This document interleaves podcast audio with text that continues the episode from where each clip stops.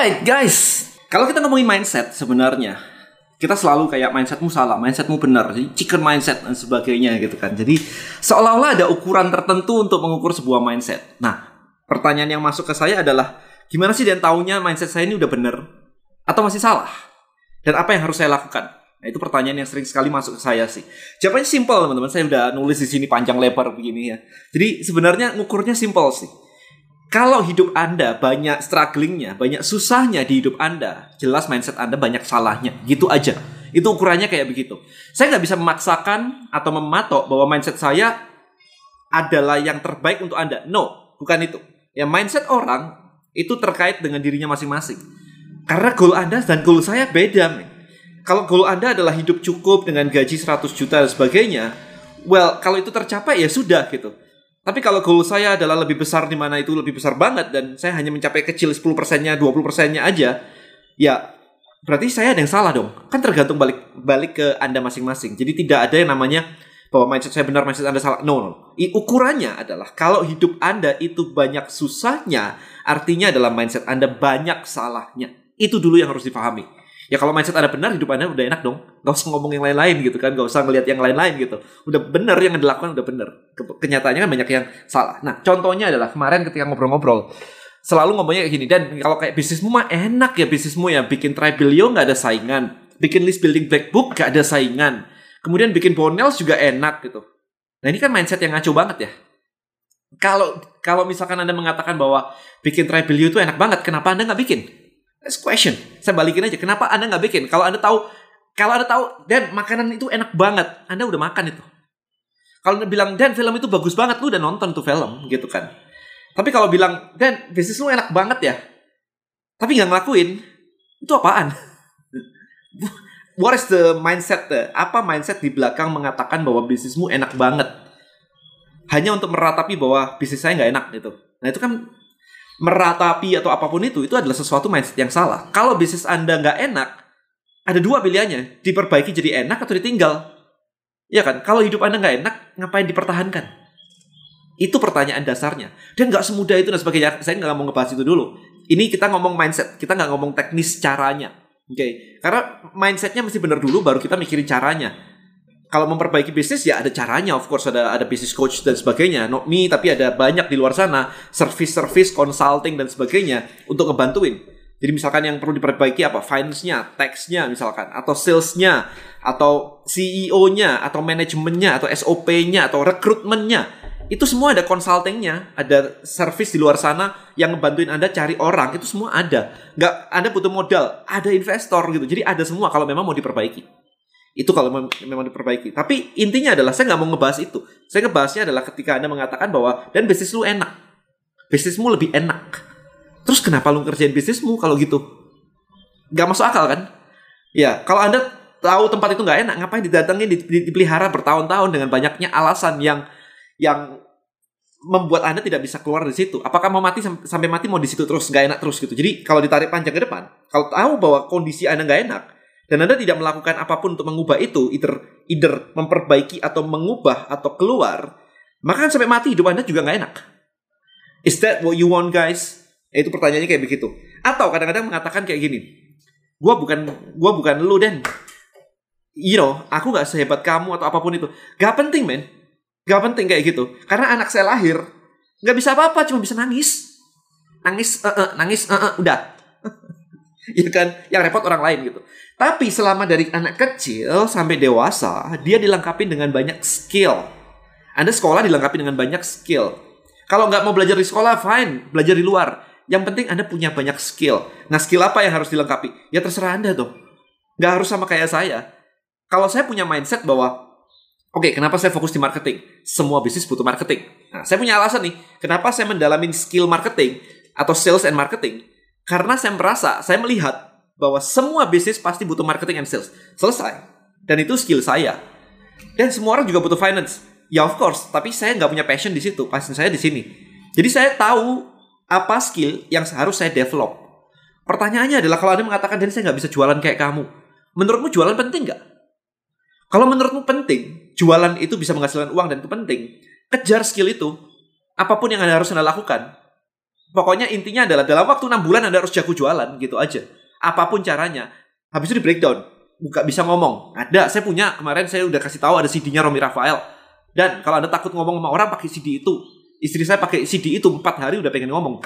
Sekarang udah sering banget dia live di di YouTube, di Instagram.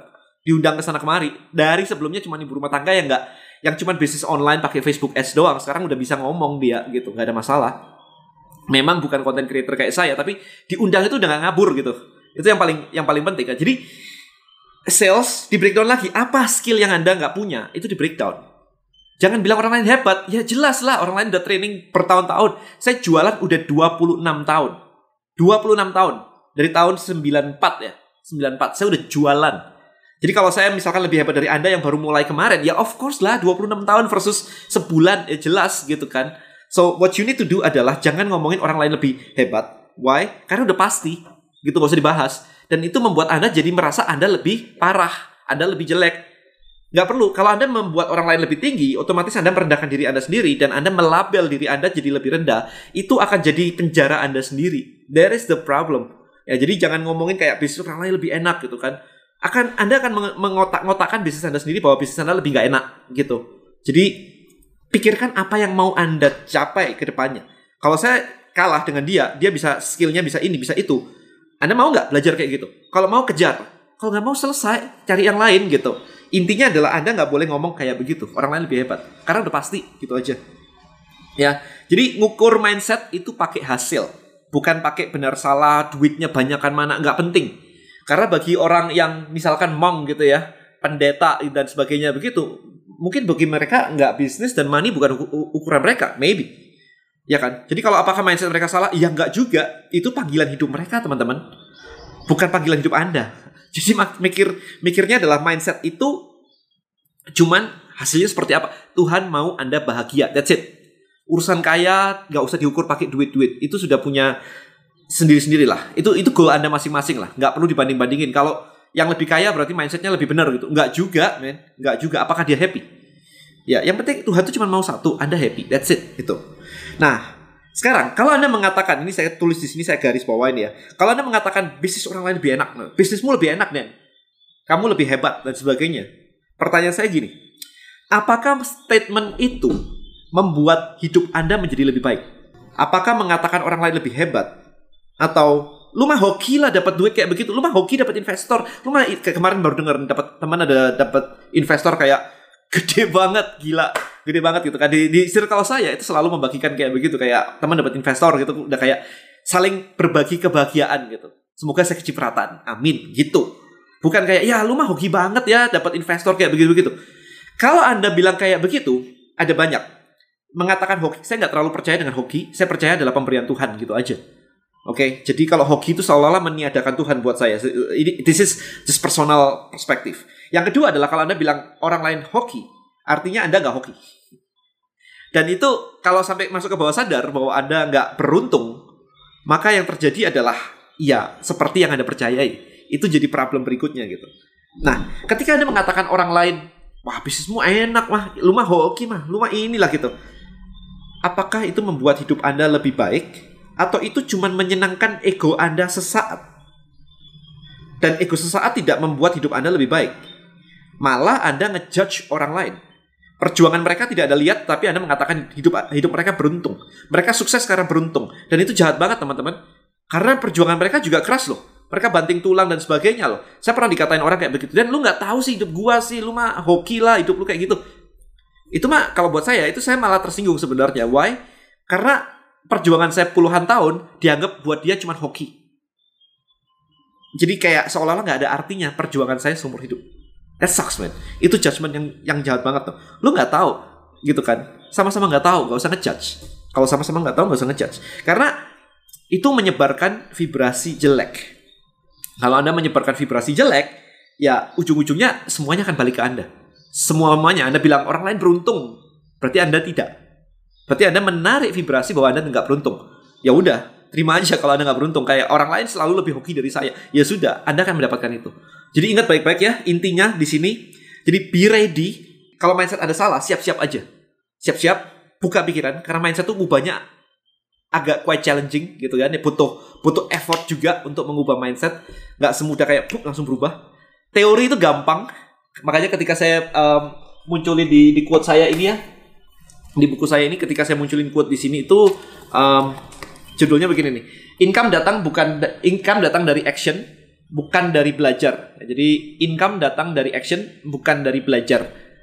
Nah, tapi semuanya butuh belajar. Maka kemarin tuh saya nyebutnya begini, kayak kemarin tuh ada yang ngomong kayak, Den, ini mah isinya teori doang gitu. saya ketawa dengar itu. Saya butuhnya praktek katanya gitu kan.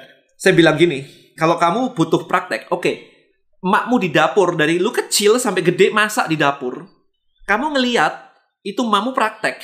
Sekarang lu jadi bisa masak sejago makmu nggak? Nggak bisa juga kan? Ngeliat orang tua anda masak selama sebulan, belum tentu bisa itu ngeliat orang praktek. Karena Anda butuh teorinya, kalau kayak masak begini, garamnya segini, mericanya segini, gulanya segini, itu perlu gitu kan, itu perlu teorinya, perlu itunya semua. Baru setelah Anda ngerti di kepala Anda ada teorinya, Anda baru praktek. Habis itu Anda coba-coba, oh kalau 5 gram itu segini loh tangannya gitu, terus diicipin gitu, masih diicipin. Diicipin kalau di buku ini istilahnya TOTE, test operate test exit, ada semua di sini by the way teman-teman. Ya jadi teori itu dibutuhkan. Teori itu dibu teori itu dibutuhkan. Gunanya apa? Gunanya adalah supaya Anda mudah belajar. Tetapi income tidak datang dari belajar, tetapi dari action.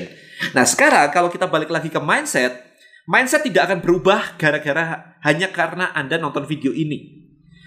Nanti begitu Anda tabrakan beneran, tabrakan maksudnya mindset Anda crash gitu kan, bahwa kayak ada kejadian di mana teman Anda tahu-tahu dapat dapat investor ratusan juta, ratusan miliar, whatever kayak begitu dan ada tahu-tahu kayak gitu di kepala Anda gitu. Nah, itulah ujian Anda sebenarnya. Jadi bukan teorinya bahwa ah, orang lain harus gini. Begitu ada orang lain dapat investment, Anda happy atau Anda malah ngiri setengah mati dan habis itu vibrasinya negatif semuanya. Itu ujian Anda di situ. Jadi kalau Anda sudah tahu, siap-siap itu akan terjadi dan take action. Literally take action. Jadi sebelum bereaksi terhadap sesuatu kejadian, anda diam dulu, Anda pikirin reaksi apa yang sebenarnya harus saya lakukan tentang kognitif behavior terapi itu keren banget sih kemarin. Mindset itu perlu tahu, Anda perlu tahu, Anda perlu melihat hasilnya dan habis itu memperbaiki apa yang salah. Karena kalau hidup Anda banyak susahnya, mindset Anda banyak salahnya.